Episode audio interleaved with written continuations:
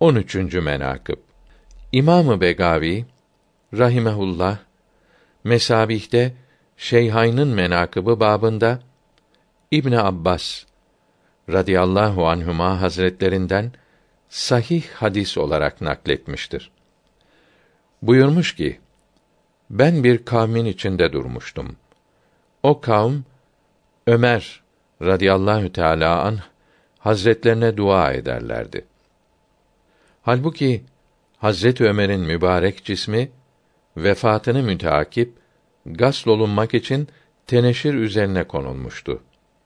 Nagah bir şahs arkamda dirseğini benim omuzum üzerine koyup der idi. Allahü Teala sana rahmet etsin ya Ömer. Ben rica ederim ki Allahü Teala seni iki sahibin ile beraber kılsın. Zira çok kerre olurdu. İşitirim ki Resulullah sallallahu teala aleyhi ve sellem buyurdu. Ben memur oldum. Ebu Bekr ve Ömer de memur oldu. Ben işledim. Ebu Bekr ve Ömer de işlediler. Ben ihraç olundum. Çıkarıldım. Ebu Bekr ve Ömer de ihraç olundu. Arkama baktım ki o Ali bin Ebi Talip'tir.